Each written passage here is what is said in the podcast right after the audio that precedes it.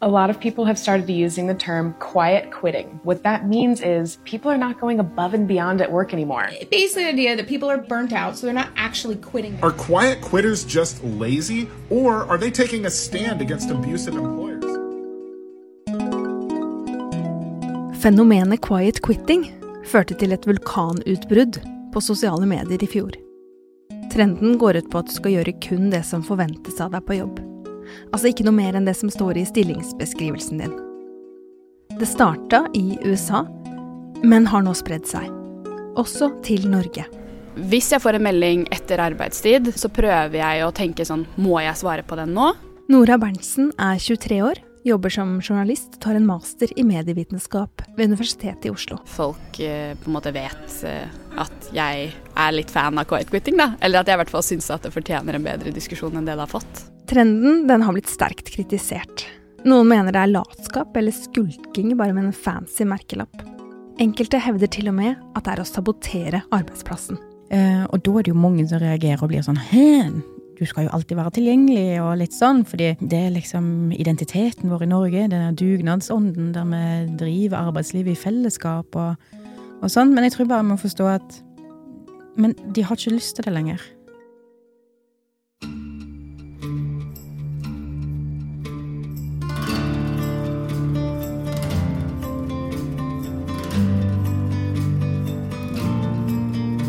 Er unge faktisk bare late, eller er dette fenomenet et symptom på noe større? Og passer quiet quitting i det hele tatt inn her i Norge? Vi som tross alt ikke har den samme harde arbeidskulturen som amerikanerne? Du hører nå på Røsla. Jeg heter Ida Bing.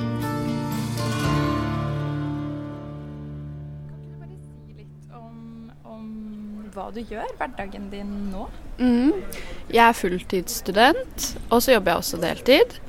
Og så trener jeg og henger med venner og gjør skolearbeid på fritiden min. Nora tar en mastergrad og jobber som journalist i Aftenposten.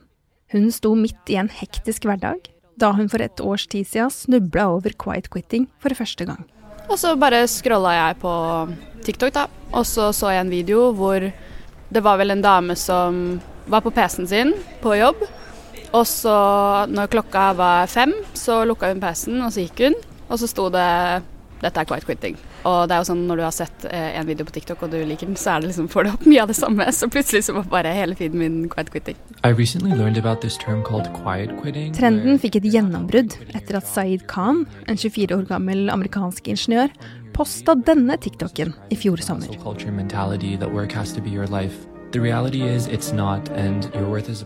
Nærmest over natta eksploderte det på sosiale medier. Veronica, did you just decline the Zoom meeting that's at 6:30 tonight?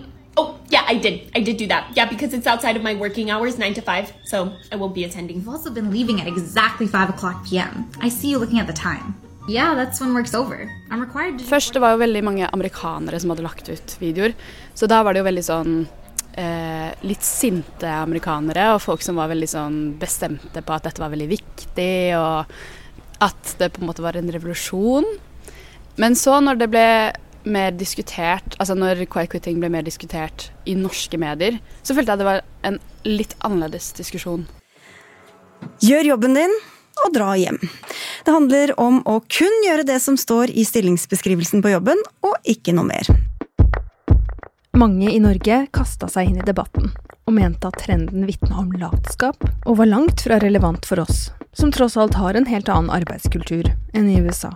Dessuten, næringslivet i Norge var jo helt avhengig av folk som strakk seg lenger enn det de kun måtte. Jeg så en artikkel i TV 2 som handla om quiet quitting. Det sto et eller annet om at quiet quitting er definert som det å på en måte gjøre the bare minimum. Som jeg følte var helt sånn urettferdig, på en måte. Eh, av en eller annen grunn. Jeg vet ikke om jeg tok det personlig, eller hva det var. Men jeg følte bare at eh, det stemmer ikke. Det er ikke jeg enig i, liksom. Jeg følte at det handler om å sette grenser for seg selv, og, og det er jo sunt. Det skal ikke være noe som blir sett ned på, på en måte. At det skal ikke være det å prøve å komme unna med å gjøre minst. Det skal det ikke være. Jeg følte at det var å sette sunne grenser. Nora bestemmer seg for å skrive en kommentar. Hun vil gi et mer nyansert bilde av hva quiet quitting handler om, og at det å sette grenser, logge av, faktisk kan være noe positivt. Og da var det jo ganske mange godt voksne mennesker som skrev at uh, ja, på min tid kalte vi det latskap, eller sånn Da jeg var på din alder, så var det, var det det å gjøre det minste man kunne gjøre, da. Jeg syns jo det er litt uh, morsomt, da. For det er liksom, kanskje det er en generasjonsforskjell, eller jeg vet ikke hva som gjør det sånn. Men jeg, jeg, alle tilbakemeldingene jeg har fått av folk på min alder, har bare vært sånn derre Å ja, men ja, det hørtes lurt ut, eller sånn. Det var sunt, eller sånn. Ja, det har jeg også hørt om, men jeg visste ikke så mye om det, eller ja. Det jeg ser, er nok egentlig at vi snakker om to ulike fenomen med ett navn. Maria Steinstø er gründer og driver profilen Deg og jobb i sosiale medier, hvor hun følger utviklinga i arbeidslivet med argusøyne. Så hvis vi prøver å dele det da, i to, for å faktisk forstå det, så kan vi begynne med liksom, hva er quiet quitting? Altså, det er egentlig at du emosjonelt har slutta i jobben din, men du er fysisk til stede.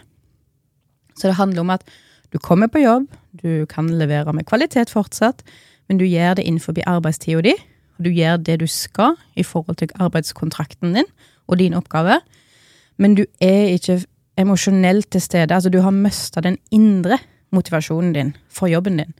Og du er da egentlig bare drevet av ytre motivasjon, som ofte er lønn. Og så har du det andre fenomenet, som vi òg snakker om, som egentlig ikke har et godt ord, men jeg tenker i dag, for å gjøre det litt tydeligere, så kaller vi det work-life balance. Uh, og det handler om at du tar og setter grenser. Du har lyst å jobbe, du er glad i jobben din, men den betyr kanskje ikke alltid livet ditt. Uh, fordi du har òg lyst å delta på alle andre arenaer i livet. Do you know what quiet quitting is? It's living. It's, lit it's literally living. We are in the end times where now it's considered quietly quitting your job to have a life outside of work. Men hvorfor skjer det her nå? Hva er det med unge arbeidstakere i dag som gjør at de kjenner på at de er følelsesmessig frakobla av jobbene sine? Eller at de ønsker å ha en bedre balanse i livet?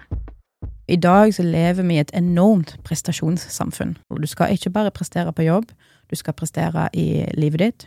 Du skal kanskje ha en kroppsfasong som ser sånn og sånn ut, ifølge magasiner. Altså, det er så masse eh, press rundt oss hvor mange venner du skal ha, hvordan du er på sosiale medier, hvor mange likes du har. Alle føles ut som de jakter deg eller har en mening om, om det. Det er sånn det føles. Og hjernen din, den skiller ikke mellom betalt og ubetalt jobb. Så selv om du kanskje er ferdig på jobb, så fortsetter du å jobbe i hjernen. Og da, når du får dette her prestasjonssamfunnet, så blir en jo utbrent, for hjernen får jo aldri pause. Og det finnes det undersøkelser som støtter. Hele tre av fire unge svarer at de har blitt utbrent eller vært nære på å møte veggen i arbeidslivet, ifølge en undersøkelse fra rekrutteringsselskapet Academic Work. De spurte rundt 1000 personer i Norge som studerte eller som nylig hadde starta i arbeidslivet, og de svarte at det hadde en sammenheng med at det var for mye å gjøre på jobb. At det var for få folk, og at det var en liten balanse mellom jobb og fritid. Men de aller fleste de pekte likevel på at dårlig lederskap det var hovedgrunnen til at de hadde vært utbrente. Og at det var så uklart hva som var forventa av dem på jobb. Student og journalist Nora Berntsen hun mistenker at mange unge tror de må prestere bedre og levere mer enn det som faktisk er tilfellet. Alle de jeg har prata med om det, har eh, sagt at, eh, ja, at de er enig i det at de alltid må prestere på jobb. Og det er spesielt de liksom, første jobbene man får som ungdom. Eh, at man føler at man alltid må si ja og alltid være på tilbudssiden. Og det har alle jeg har snakka med vært enige om at, at, sånn er det. Hvis man er en person da, som eh, alltid sier ja, eh, og så får man på en måte skryt for det, så lærer man jo kanskje i det, å få skryt av det, at eh, man ikke kan si nei. At det å si nei er veldig dumt. Ehm, mens ofte så går det egentlig helt greit å si nei. Så noen ganger når jeg har sagt eh, nei, jeg kan ikke jobbe da, liksom, så er svaret bare sånn å ja, ok, liksom. Da bare jobber du en annen dag. Og så er ikke det noe stress. Det er litt dumt at man er liksom overraska over en sånn respons. Arbeidslivsekspert Maria Steinstø forklarer at reisen fram til quiet quitting den starter ofte med manglende kommunikasjon mellom leder og ansatt. Og for å vite hvor nære man selv er å bli en quiet quitter, i den forstand at du følelsesmessig har forlatt jobben, så finnes det en slags sjekkliste. Uh, og du har egentlig disse psykologiske behovene du trenger i arbeidslivet og livet generelt. Og du kan på en måte dele de inn i fem, da. Uh, og det er på en måte at du blir anerkjent, at du blir sett, at du føler liksom at du får feedback, du får kommunikasjon med leder og sånt. Det er liksom én ting. Og så er det det at du har inspirasjon, du har mål, du har retning i livet. Du føler at bedriften skal en plass, litt den purpose som meningen. Og så har du tillit og fellesskap, og du kjenner på at arbeidsmiljøet, det er oss, og alt dette her. Og så skal du òg mestre jobben din. Så det betyr jo at du må få nok informasjon om arbeidsoppgavene dine og alt sånt. Og det er av og til litt skummelt og sånn Hei, kan du hjelpe meg? Men hvis du ikke føler mestring i jobben din, eller føler at du har kompetanse, så gjør det veldig vondt. Og da vil òg livskvaliteten gå nedover. Og den siste er liksom den Er du begeistra for jobben din? Har du energi? Har du den indre motivasjonen? Igjen litt sånn purpose. Og hvis disse fem faktorene er til stede, så er det veldig vanskelig å bli en quiet quitter. Mye av kritikken har gått på at det norske arbeidslivet er såpass godt og velregulert at det ikke bør være noen grunn til at norske arbeidstakere skal koble seg av jobben. Men Maria Steinstø hun mener at mange misforstår.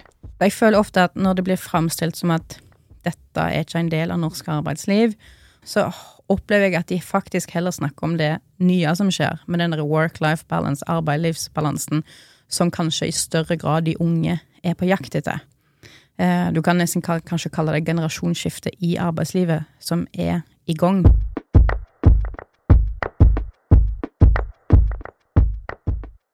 I Norge så har vi Du har så masse rettigheter som arbeidstaker. Du har så masse lover som skal passe på deg, og du har det veldig godt. Og så tror jeg at det er alltid en frykt for noe ukjent. Noe en kanskje ikke har vært borti før. Og det skaper gjerne begrensning. Uh, og det tror jeg derfor den kanskje blir litt sånn negativt framstilt. fordi i Norge så er vi jo litt sånn dugnadsfolk. Sant? vi bidrar og går kanskje over det vi faktisk sier vi skal gjøre i forhold til arbeidskontrakt og sånt. Og, med liksom Dette det fellesskapet som drar. Og så begynner kanskje noen å tenke på at ja, men ok, men du har satt så tydelige grenser at du vil jobbe de timene arbeidskontrakten din sier. Men det betyr ikke at du ikke leverer med kvalitet.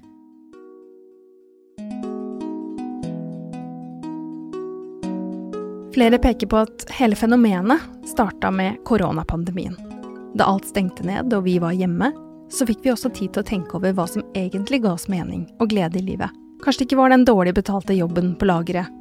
Eller kanskje ikke det var det du burde ha studert. Noe av det samme det ser vi nå i Norge. Det kan man se på den årlige arbeidslivsundersøkelsen, og der har engasjementet vi har for jobben, dalt. Med en ekstra dupp etter pandemien. Og i YS sitt arbeidslivsbarometer, som måler tilfredsheten blant norske arbeidstakere, så kommer det fram at vi er mindre tilfredse nå enn hva vi var for knapt ti år siden. Så kanskje er det sånn at norske arbeidsgivere bare må omfavne det her? Og ta det på alvor at unge kjenner seg igjen i problemstillinga? Det jeg er veldig glad for at min arbeidsgiver gjør, i hvert fall, er jo det liksom å ikke oppfordre til å quiet quitte nødvendigvis, men at de sier ifra om dette er noe som absolutt må gjøres, eller om det er valgfritt, på en måte, og virkelig mener det. Og kanskje prate Man trenger jo ikke å liksom presse ansatte til å prate veldig om sitt personlige liv, eller noe sånt, men at man hører liksom hvordan går det eh, på fritiden, og liksom sånn Står du i mye, eller liksom Hvordan står det til, liksom? Bare sånn at man vet eh, hvor folk ligger an, og ja. Sånn at man kanskje merker om noen begynner å bli utbrente, da. Men kan alle få til det her? Kan alle quiet quitte? Det er vanskelig å svare på. Nå har jeg på en måte en kontorjobb som er sånn når jeg kommer på kontoret, så jobber jeg, og så når jeg drar fra kontoret, så jobber jeg ikke mer. Som jeg er veldig heldig som har en sånn jobb, da. For det er mange som ikke kan legge fra seg jobben av forskjellige grunner. Eller bare må jobbe mye oftere enn det jeg gjør. Um, da må man jo kjenne litt på selv hva, hvor skoen trykker, kanskje hva man kan gjøre. Det er jo noen som har regler at man ikke skal snakke om jobb når man ikke er på jobb, f.eks. Nora, som har testa ut trenden i et år nå, forteller at hun blir stadig bedre. Og jeg er ikke såpass flink til å quiet quitte at jeg liksom aldri svarer på meldinger etter arbeidstid, for det gjør jeg. Og jeg tror ikke mitt mål heller personlig er å liksom aldri skulle svare på meldinger etter arbeidstid heller, sånn at jeg må bli perfekt på quiet quitte, liksom. Men jeg prøver å tenke mer over de valgene jeg tar. Eh, og tenke mer over ja, hvis jeg ikke er ferdig med noe på jobb, kan jeg fortsette på det i morgen, eller må jeg sitte eh, liksom en halvtime til, da? At jeg stiller meg selv de spørsmålene litt mer.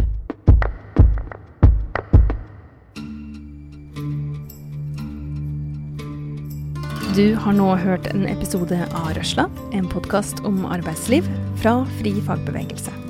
Denne episoden er laga av meg, Ida Bing, og det er David Ashok Ramani og Hans Kristen Hyrve som har laget kjenningsmusikken vår. Tore Rysdalsnes er ansvarlig redaktør. Og du, har du historier eller tema som du mener vi burde ta opp?